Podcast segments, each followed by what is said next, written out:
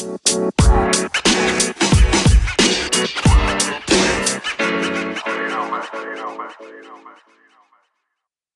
halo semua, balik lagi bersama dengan gua Ray di Nobi Talks. Kita akan ngobrol-ngobrol santai dengan bintang tamu yang selalu bisa membawa insight-insight lebih tentang dunia kripto buat kita. Dan kali ini kita akan ngomongin sebuah topik yang lagi hangat dibicarakan di grup-grup Telegram, di media-media kripto. Apa pokoknya ini hits ya. banget lah, hits banget lah. Ini kita hari ini ya. kita bakal ngebahas topik DeFi, Decentralized Finance. Dan tentu saja gue nggak sendiri, gue ditemanin oleh Pak Lawrence Samanta, CEO dari Nobi. Halo Pak Lawrence. Halo. Halo. Pak Lawrence, semoga apa kabar? baik, baik. Gak bosan-bosan ya Pak Lawrence, jangan bosan-bosan ya ketemu saya ya. Nanti bosan ya, melihat muka saya. nah, ya sebelum kita masuk ke topiknya nih Pak, Pak Lorenz ngikutin pasti ngikutin banget lah ya. Kan Pak Lorenz pasti cukup update ya tentang perkembangan DeFi sendiri di masyarakat gitu. Ya.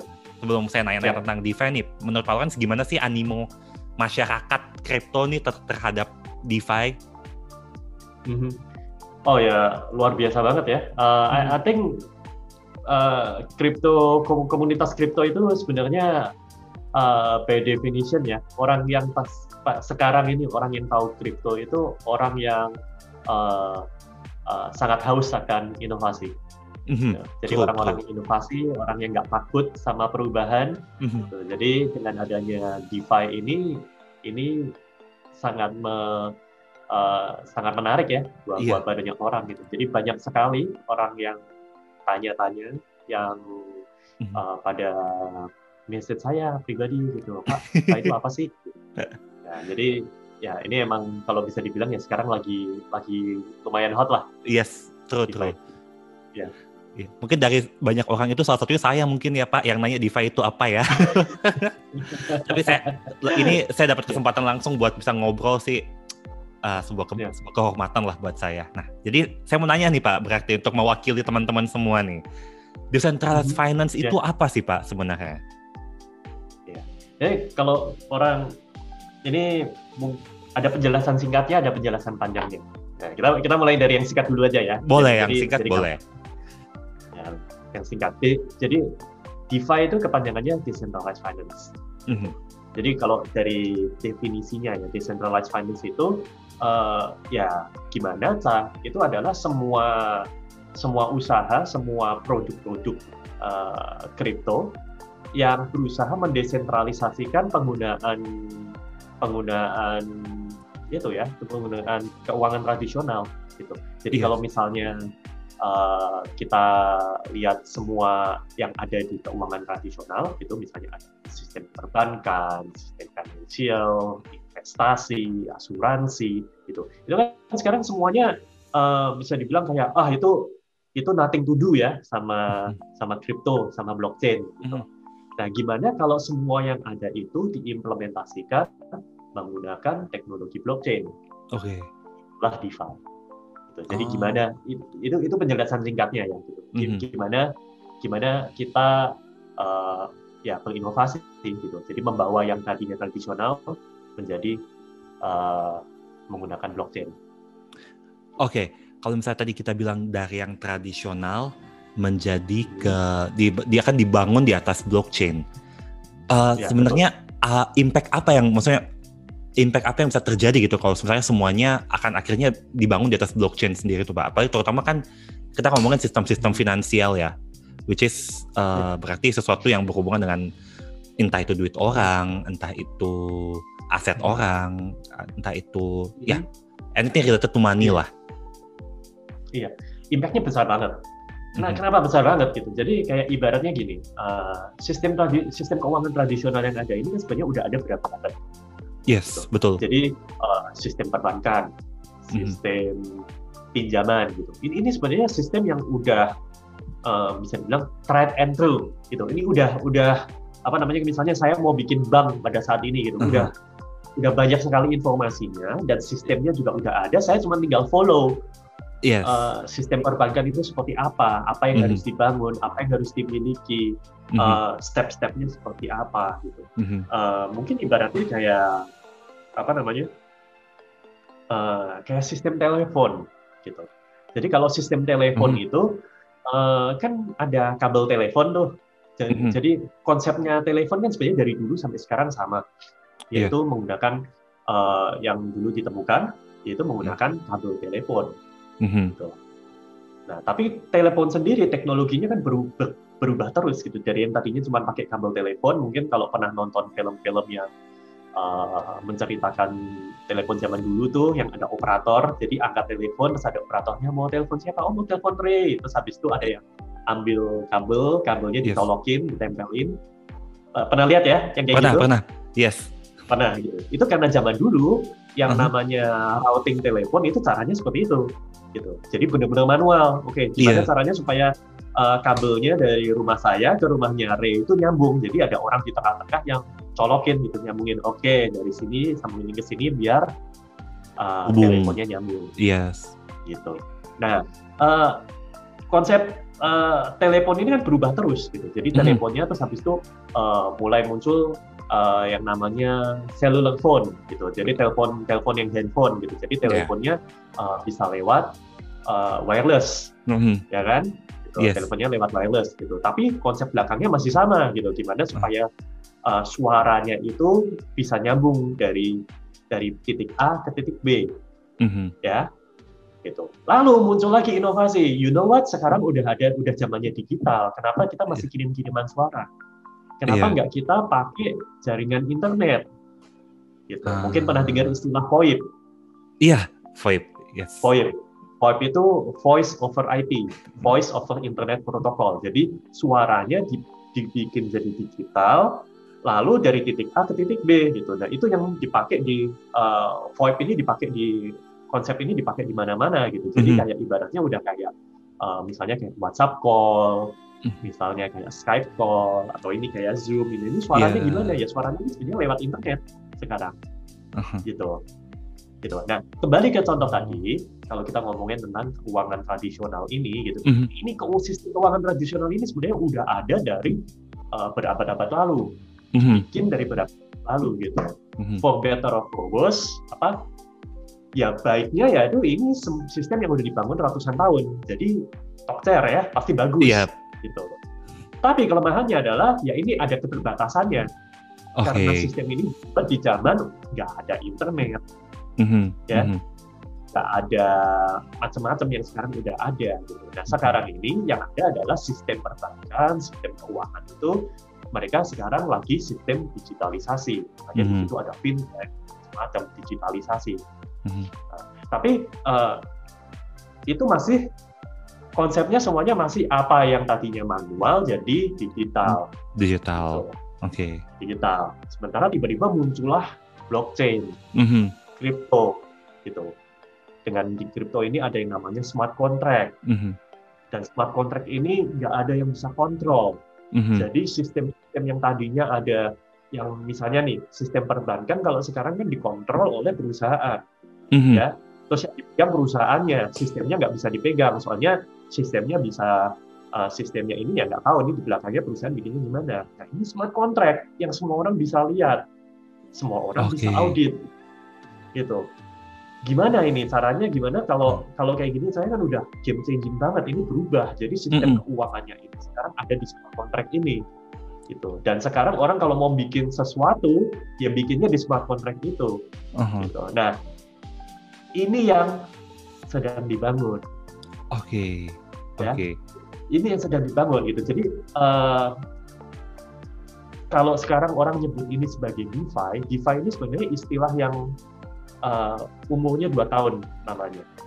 Mm-hmm. Jadi ini, ini mungkin uh, sedikit sedikit menjauh ya gitu dari, yeah. dari pertanyaan pertanyaan itu. Tapi DeFi ini uh, ditemu istilah ini ditemukan dua tahun yang lalu tahun 2018 Agustus Agustus 2018 ditemukan oh, okay. oleh beberapa uh, influencer lah ya beberapa orang-orang ini yang mereka in, memang waktu itu ingin membangun ekosistem ini dari awal mm-hmm. gitu mm-hmm. konsepnya mereka mirip seperti tadi mereka bilang gitu kita mm-hmm. bukan walaupun ini namanya decentralized finance, mm -hmm. tapi sebenarnya kita bikin ini lebih tepatnya open finance. Open finance, mm, oke. Okay.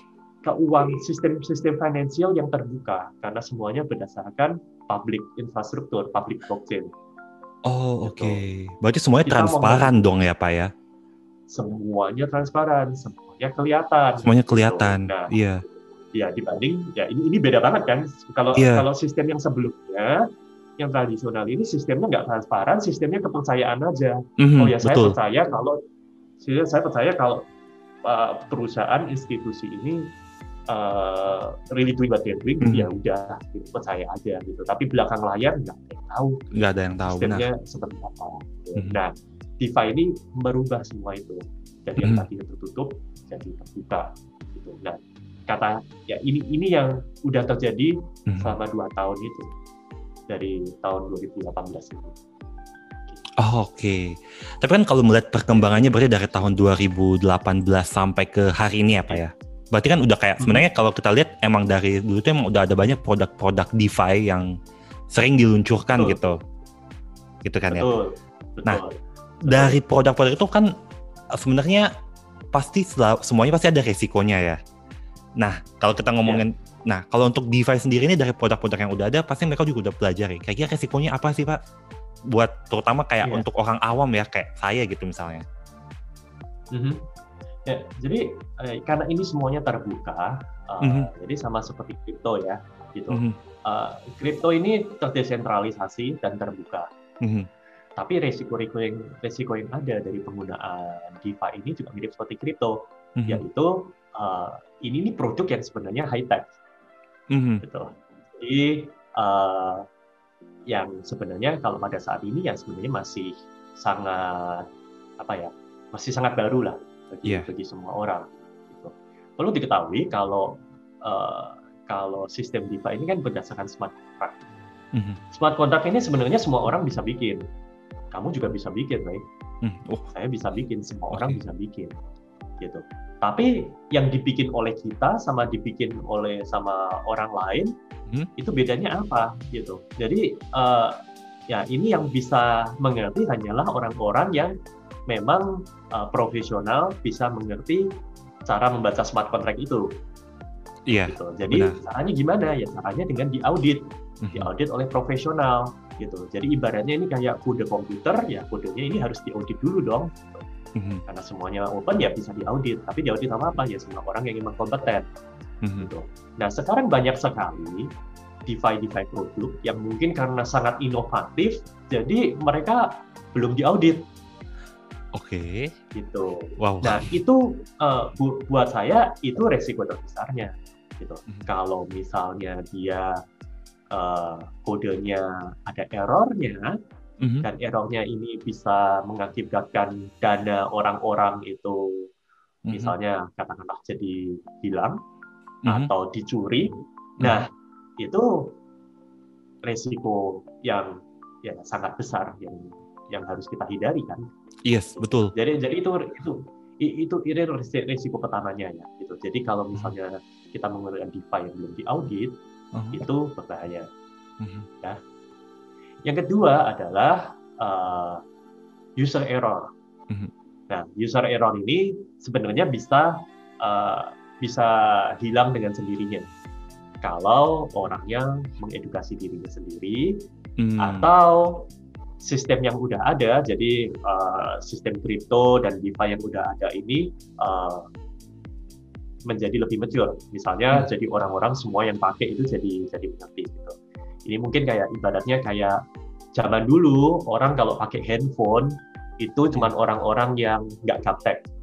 Iya. Ya, orang-orang yang yang apa namanya yang berani lah gitu pakai pakai pakai wah handphone canggih gitu ah pakai mm-hmm. pakai handphone susah gitu dulu kan masih banyak orang yang kayak gitu gitu tapi zaman sekarang karena teknologinya udah mature dan mm-hmm. udah banyak ada uh, udah banyak sekali inovasi riset yang dilakukan gimana caranya bikin handphone ini bisa dipakai untuk hmm. semua orang bahkan orang yang tidak berpendidikan ya sekarang semua orang bisa pakai handphone hmm. ya sama gitu jadi DeFi ini mungkin sekarang masih relatif susah untuk dipakai hmm. tapi seiring perkembangan zaman harusnya semua orang bisa menggunakan itu. Iya sih pak. Dan mungkin juga itu itu sih itu resiko-resikonya. Ya. Mungkin juga seiring berjalannya waktu mungkin akan lebih mudah kali ya orang menggunakan DeFi kayak mungkin handphone dulu mungkin much more complicated dibanding handphone sekarang gitu yang kayak cuma begitu-begitu aja. Mungkin hal yang sama hmm. mungkin akan terjadi kali ya Pak dengan perkembangan DeFi. Iya, gitu. Kayak ibaratnya dulu uh, wah nggak tahu Ray, mungkin kamu masih terlalu muda.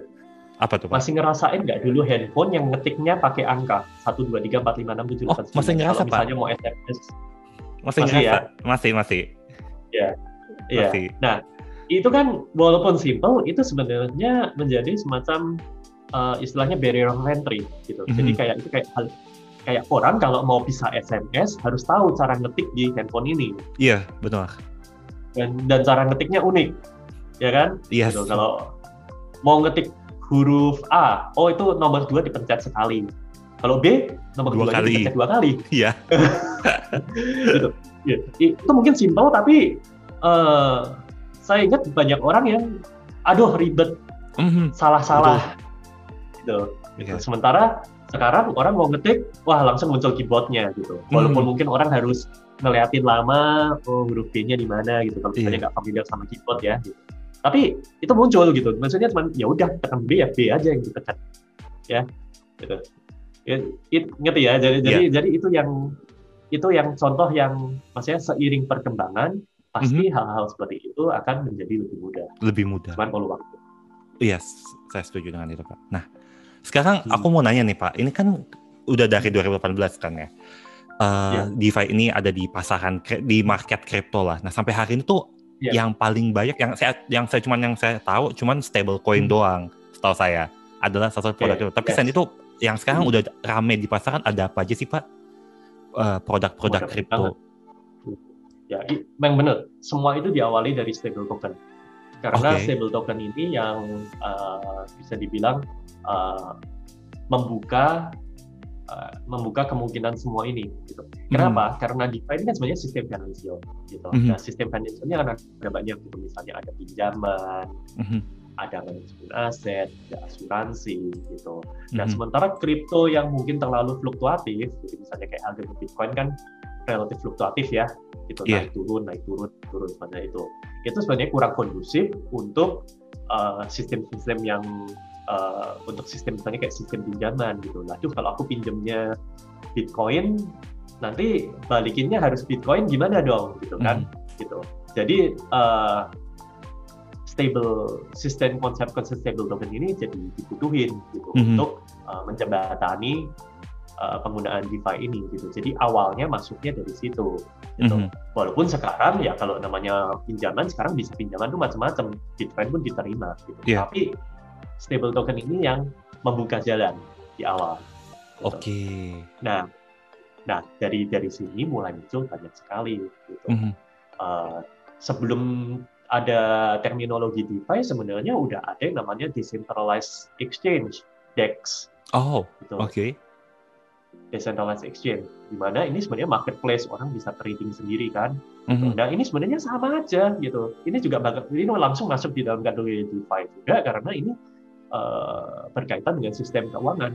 Mm-hmm. Gitu. Nah uh, DeFi ini yang DeFi yang bergerak di bidang exchange ini sekarang ada banyak gitu. Jadi mm-hmm. uh, mungkin tahu tentang Binance Dex, yeah. gitu, ya.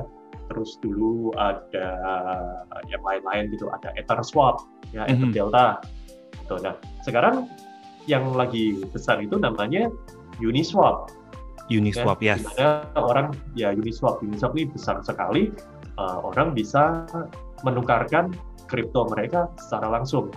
Mm-hmm. Gitu. Jadi ini udah decentralized, udah nggak ada central institutionnya yang melakukan. Mm-hmm. Gitu. Lalu ada sistem pinjaman. Pinjaman mm-hmm. ini lending ya, mm-hmm. peer-to-peer lending, tapi dalam bentuk kripto. Gitu. Terus uh, ada yield farming. Yield farming ini yang yang hot banget ya. Iya, iya benar-benar. Yield farming. Yield farming ini hot banget karena orang berlomba-lomba mendapatkan yield. Mm-hmm. Gitu. Uh, penghasilan ekstra dari situ. Lalu mm-hmm. ada manajemen aset. Manajemen aset itu gimana gitu ya. Ini misalnya kayak aggregator.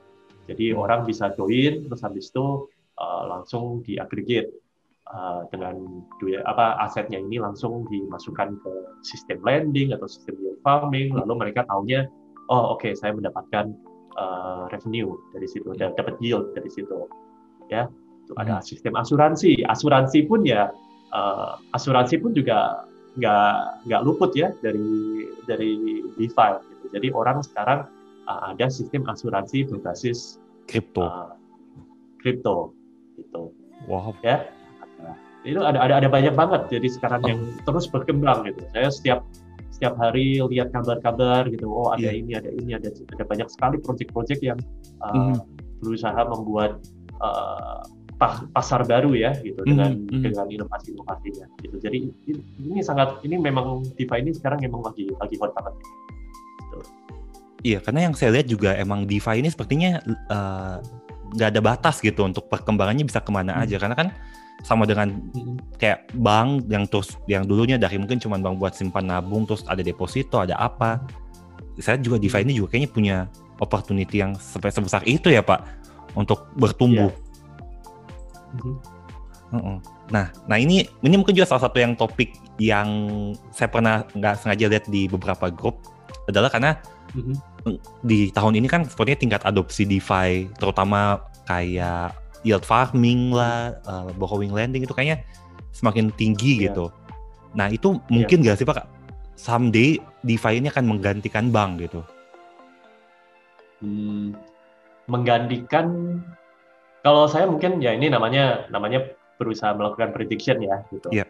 Kalau saya lihat secara realistis, yang ada bukan DeFi menggantikan bank, mm -hmm. tapi yang banknya sendiri yang akan berevolusi jadi ya dari okay. yang sekarang ini semuanya centralized, mm-hmm. bank akan mulai belajar menggunakan blockchain, mm-hmm. belajar mengerti kripto, mm-hmm. dan dari situ layanan-layanannya mereka akan menjadi uh, ya basically gimana menggunakan DeFi ini gitu. Mm-hmm, betul. Nah betul. ini ini yang uh, ini yang uh, ya ini mungkin ada orang yang uh, ya ini dua opini lah gitu yang mm. dibilang salah ya dibilang salah atau benar ya hanya waktu yang bisa membuktikan ya gitu. Uh, tapi saya cenderung ke arah situ. Gitu. Menurut saya hmm. banknya sendiri yang akan melakukan adopsi gitu. Iya. Ada juga orang yang berpikir kalau ya oh enggak ini bank nanti akan semuanya akan tutup karena udah nggak ada udah nggak ada gunanya bank ini semua hmm. nanti akan menurut saya enggak menurut saya tetap ada peran buat bank di situ gitu jadi uh, cuman uh, yang dilakukan banknya ini yang akan berbeda Hmm. Yes, yes, benar sih Pak. Emang banknya emang harus yang berevolusi ya sepertinya ya. Kalau emang DeFi-nya akan menjadi yeah. sebuah the main teknologi hmm. yang semua orang mau, ya banknya harus beradaptasi. Iya, betul. Ya ini ibaratnya kayak gini lah. Um, hmm. Dengan adanya email, hmm. apakah kantor pos akan tutup? Enggak, sih, enggak. Enggak juga sih Pak. Enggak kan? Enggak. Jadi dengan adanya email, apakah kantor pos akan tutup? Gitu. So far sih enggak ya, kantor enggak. pos enggak tutup. Hmm. Tapi kantor posnya sendiri juga enggak diem. Kantor hmm. posnya juga berubah. Gitu. Jadi Betul. dari yang tadinya semuanya manual, sekarang semuanya digital. Hmm. Dari yang tadinya mereka cuma kirim surat, kirim barang, sekarang kirim surat, kirim barangnya menggunakan aplikasi, gitu. Terus bisa kirim informasi dengan sangat cepat semuanya. Yes. Gitu. Nah itu yang uh, menurut saya akan terjadi juga mm-hmm. dan, dan bank benar, benar. gitu.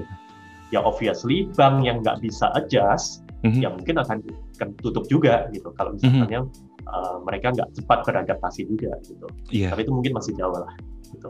mungkin Kita 10 tahun. Udah baru awal kok gitu sekarang. Mungkin 10 tahun, 20 tahun lagi mungkin. Nah, um, ini saya malah ya mungkin optimis lah gitu. Menurut saya dalam waktu lima tahun lima tahun. Waktu lima tahun. Oh, bahkan dalam waktu lima tahun perubahan ini akan terasa. Oke, okay. baiklah.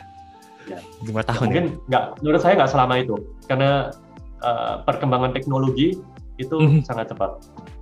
Mm -hmm. Perlu diingat, sekarang kita ingat ini sekarang kita orang Indonesia kita sangat familiar dengan dengan, dengan misalnya nih kayak ojek online ya. Mm -hmm. Benar. Ojek online itu mulai tahun berapa? Dua ribu.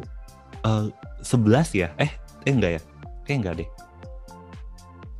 Ya. Gojek itu mulai 2011 itu kita masih pakai BlackBerry loh. Iya, kayaknya enggak deh. 2014, 15 mungkin. Ya, ya. Sekitar tahun segitu itu mulai. aplikasi Gojek itu baru mulai mulai rame 2015 2016 hmm. dan itu baru empat tahun yang lalu. Iya dan sekarang semua orang pakai. Iya adopsinya cepat pakai orang kayak ya of course gitu. Ya hmm. dari dari yang mungkin dari tadi aduh ribet pakai pakai aplikasi buat buat pesen gitu. Sekarang malah orang yang nggak apa orang yang nggak tahu Gojek hmm. malah aduh ajarin dong. Iya benar. Benar. Ya. Dan, dan papa jadi, saya juga begitu jadi, pak. uh, iya gitu jadi itu perubahan yang terjadi dalam waktu singkat dalam waktu empat tahun yeah, dan menurut benar. saya uh, ya lima tahun itu mungkin waktu yang terasa lama tapi sebenarnya waktu yang sangat singkat juga mm-hmm. uh, yang yang bisa menurut saya bisa ini ini ini bisa terjadi gitu. ya of course berubahnya sepanjang apa ya kita nggak tahu ya bakalan mm-hmm. bakalan seperti apa tapi menurut saya dalam lima tahun ini akan sangat sangat mungkin akan terjadi perubahan. Sangat mungkin terjadi perubahan. Ya.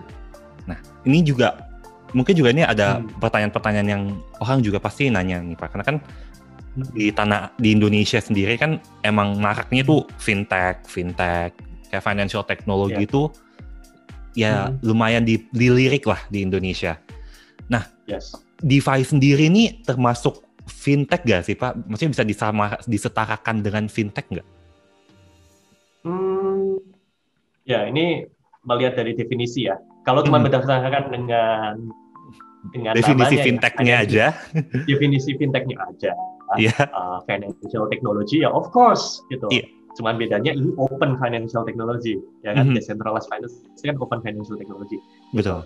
Uh, tapi kenyataannya kan sekarang kalau orang bilang fintech itu sekarang orang orang nggak bilang uh, DeFi itu fintech kenyataannya sekarang orang kalau ngomong fintech itu sekarang related sama uh, P2P lending iya. atau yeah. untuk uh, produk-produk finansial uh, yang menggunakan teknologi aja gitu. Jadi centralized sebenarnya sistemnya mm-hmm. gitu. Jadi uh, bisa dibilang ya mungkin ya dan enggak ya gitu. Mungkin ini bisa bilang mirip sama-sama berusaha melakukan inovasi di bidang financial mm-hmm. gitu. Tapi cara yang diambil, mm-hmm. pendekatannya, teknologinya sangat berbeda. Sangat berbeda ya Pak ya. Iya. Oke, nah ini mungkin pertanyaan agak random sih dari saya sebenarnya kayak kan sebenarnya uh, uh, kalau kita mau bilang di hmm. nggak ada nggak ada yang sempurna di dunia ini gitu ya termasuk sistem ke yeah. sistem finansial yang sedang yang sudah ada sejak dulu itu juga nggak sempurna kalau kita bisa bilang gitu kan tapi sistem yang sudah ada sejak dulu kan nggak nggak jelek juga gitu loh maksudnya. Nah kenapa sampai orang harus iya. buat yeah. sebuah sistem baru, sedangkan sistem lama itu sebenarnya sudah cukup memadani gitu. Ini mungkin pertanyaan yang random aja yeah. gitu.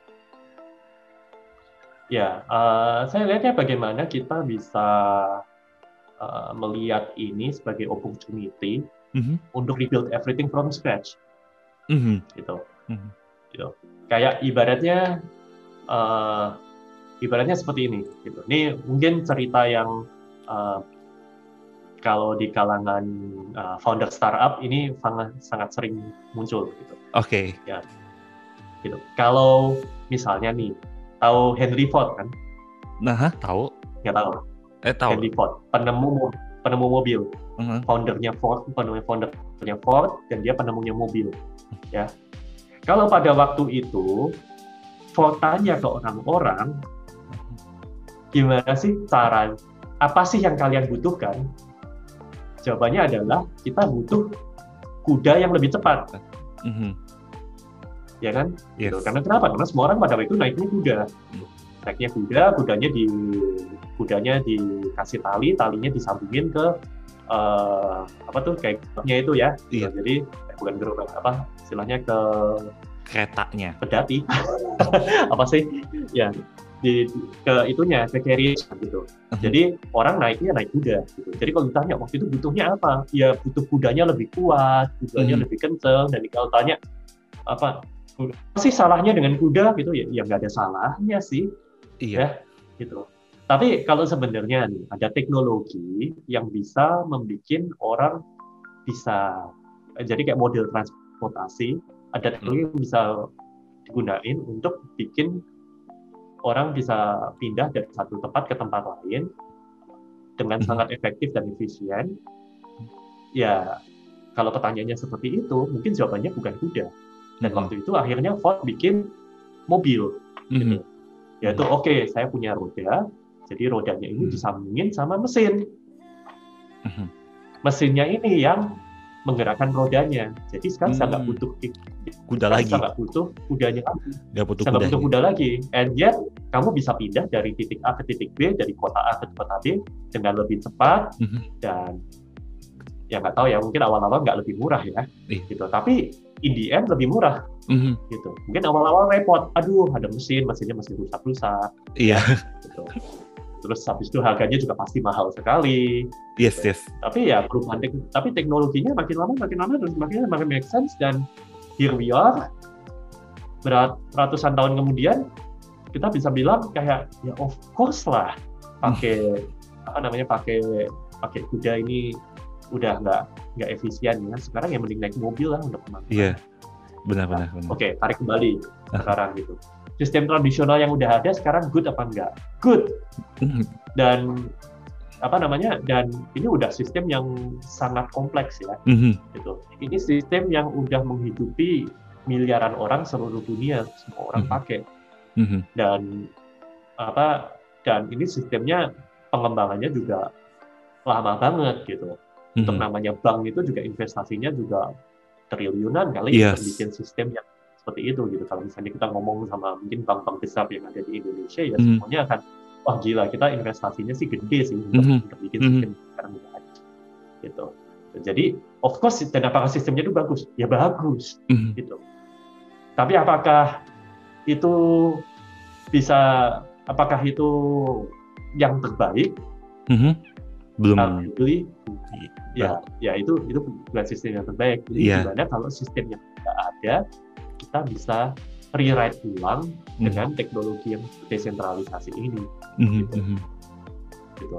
Again, karena titik mulanya berbeda gitu. Titik mulanya yang satu tersentralisasi, mm. ada perusahaannya. Sementara ini titik mulanya, oke okay, ini semuanya sekarang open. Yes. Sekarang semua yeah, orang yeah. bakalan bisa lihat. Gitu. Oh. Jadi apa yang bisa kita bikin nih? Gitu. Mm. Tetap aman dan transparan. Mm. Gimana nih? Nah, itu yang sekarang bahkan bank-bank pun bisa dibilang sekarang sedang berusaha uh, mengerti ini gitu hmm. JP Morgan says yang katanya anti Bitcoin tapi kemudian terus akhirnya akhirnya malah berinvestasi juga di Bitcoin yeah, yeah, terus yeah. habis juga ternyata punya divisi khusus yang mempelajari uh-huh. bagaimana blockchain bisa digunakan gitu jadi uh, hal-hal seperti itu yang misalnya ya pasti uh, dari dari dari situ akan uh -huh terjadi sesuatu ya. Gitu. Betul, betul. Yes. Oh, oke oke oke baik baik Paolo. Nah, ini mungkin satu pertanyaan lagi nih Paolo terakhir dari saya.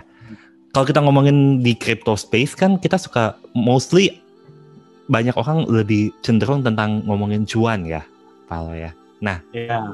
Iya kan. Hmm. Nah, kalau DeFi-nya sendiri nih Pak, dapat cuannya gimana tuh Pak? Cuannya tuh? Oke, okay gitu. Nah ini ini nama, namanya sistem keuangan. Yeah. Uh, ya nggak nggak jauh-jauh juga dari uang itu sendiri gitu. Yes. Bagaimana orang bagaimana orang bisa menumbuh kembangkan uh, aset mereka. Mm-hmm. Gitu. Jadi mm-hmm. uh, misalnya nih gitu kita taruh misalnya gini, kan selalu ada dua sisi nih. Misalnya mm-hmm. kalau kita ngomongin peer to peer lending lah fintech, gitu. yeah. ini kan populer banget di Indonesia yeah. gitu. Jadi ada dua sisi. Mm-hmm. Ada mungkin UMKM, bisnis mm-hmm. yang membutuhkan pinjaman. Ya, gitu. mm-hmm. itu, itu satu sisi. Gitu. Tapi juga yang membutuhkan pinjaman dan dari pinjaman itu bayar pasti ada bunganya dong, ada interestnya. Yes. Gitu. Benar. Dengan dengan bisnis. Katakanlah ini saya mengambil langkah. Gitu. Uh-huh. Katakanlah uh, bunganya dua persen per bulan. Mm-hmm. Ya katakanlah dua persen per bulan itu yang harus dibayar oleh peminjam. Tapi kemudian ada dari sisi satunya, dari sisi hmm. satunya yang kemudian bisa bilang, oh oke okay, gitu, saya ingin, saya ada dana, saya ingin pinjamkan hmm. ke para uh, para pemilik bisnis ini, gitu. Nah para pemilik bisnis ini yang kemudian uh, mendapatkan dua uang dari para peminjam ini. Peminjam hmm. ini mungkin mereka akan mendapatkan katakanlah satu setengah persen per bulan hmm. dari situ. Gitu. Jadi sebenarnya pasti ada motif ekonominya juga, juga kan. Yes. Gitu. Gitu. Oh. Nah ini hal yang sama juga terjadi di DeFi. Gitu. Hmm. Misalnya di bagian uh, lending protokol. Mm-hmm. Nah, lending protokol itu ada banyak, gitu. misalnya ada compound, mm-hmm. ada AAV. Mm-hmm. Nah, compound dan AAV ini ya sebenarnya sama gitu. Ini mirip seperti peer-to-peer lending, tapi semuanya berjalan di protokol. Kita bisa hmm. melakukan pinjaman uh, sebagai supplier, hmm. dan kita juga bisa menjadi borrower, orang yang mau hmm. berpinjam. Gitu. Oh. Nah, tapi ya ya ini ini ini ini yang ini yang menarik juga kan. Gitu. Yeah. Jadi di situ gimana? Nah, gimana kita bisa um, generate revenue yang hmm. pasti dari situ. Ini kan sebenarnya bisnis yang pasti. Gitu. Hmm jadi kalau ada yang pinjam, ada yang minjemin, ya di situ pasti ada timbal hubungan timbal baliknya. Gitu. Nah ini yang uh, bisa dibilang cuannya di mana? Itu cuannya. Gitu. Itu mm -hmm. itu salah satu contoh cuannya lah. Oh oke, okay. tapi tetap tetap comes with risk dong pak. Ada tetap tetap ada resikonya oh. untuk. Oh, risiko tadi tadi kalau contoh yang saya kasih contoh di situ sih resikonya ya uh, mm -hmm. relatif kecil ya, gitu. Mm -hmm. Karena compound sama AV itu mm-hmm. dua protokol yang udah uh, udah diaudit oleh beberapa auditor smart mm-hmm. contract terkemuka dunia gitu jadi mm-hmm. mereka udah jalan lumayan lama gitu jadi mm-hmm. Kompon dan AV itu uh, menurut saya uh, itu dua contoh bagus lah yang bisa mm-hmm. bisa kita lihat gitu oh oke okay. jadi tetap semuanya tetap pasti ada karena ini sebenarnya kan financial kali apa jadi semuanya pasti tetap ada cuannya ya harus itu iya. ya uh, ya itu itu itu itu itu salah satu contohnya lah mm-hmm.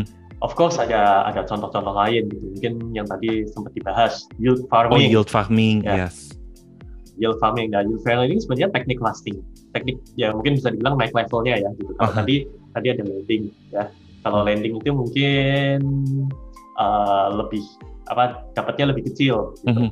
Nah, yield farming ini yang seru gitu, tapi risikonya tinggi. Oh. Karena ini involve locking-lockingan gitu. Jadi bukan jadi ini involve uh, tokennya harus di lock dulu mm -hmm. ke beberapa farming gitu. Mm -hmm. Nah, dari situ akan mendapatkan token lain. Nah, token lainnya ini yang sebenarnya dikejar oleh para oh. yield farmer ini. Gitu. Yield farming ini dengan staking jadi bedanya apa ya, Pak? Karena Uh, mungkin secara secara konsep ya, kalau misalnya kita nggak nggak nggak ngelihat nggak uh-huh. ngelihat uh, apa yang terjadi di belakang layar, secara konsep sebenarnya mirip. Oh. Gitu. Uh, yeah, so... Kita locking kita locking koin kita. Yeah. Sebenarnya kalau ini kita lock, lock to suatu token gitu. Oh. Nah dari token ini bisa oh. menghasilkan uh-huh. sesuatu. Nah, okay. tapi of course setiap yield farming juga punya aturan sendiri-sendiri. Ada yang mungkin menghasilkan, mm-hmm. ada yang menghasilkan banyak, ada yang menghasilkannya mm-hmm. koin antah berantah, gitu. Nah itu semua ada risikonya sendiri ya. Iya.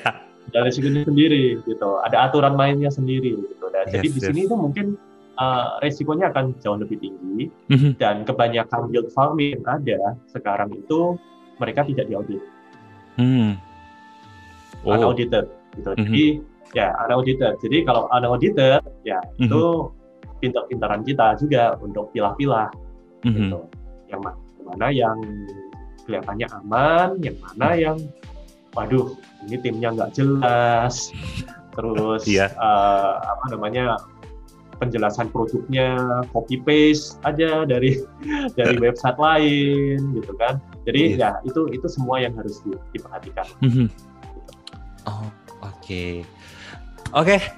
Thank you so much Pak Lawrence untuk informasinya tentang DeFi udah sharing sama kita kita di sini buat para pendengar semua. Nah, Pak Lawrence mungkin ada pesan-pesan, pesan-pesan sponsor untuk para pendengar-pendengar kita? Ya, jadi tadi mungkin saya sudah sempat nyentuh ya tentang mm-hmm. tentang kompon nama AAV. Mm-hmm. Nah, jadi untuk kompon dan AAV itu itu itu kita udah official akan uh, bertanda dengan mereka. Jadi kita akan uh, menyediakan layanan mm-hmm. untuk supaya orang kalau misalnya mau menjadi supplier, jadi mau ingin mendepositkan mm-hmm uh, stable token mereka ke Compound dan AAP bisa melalui Nobi.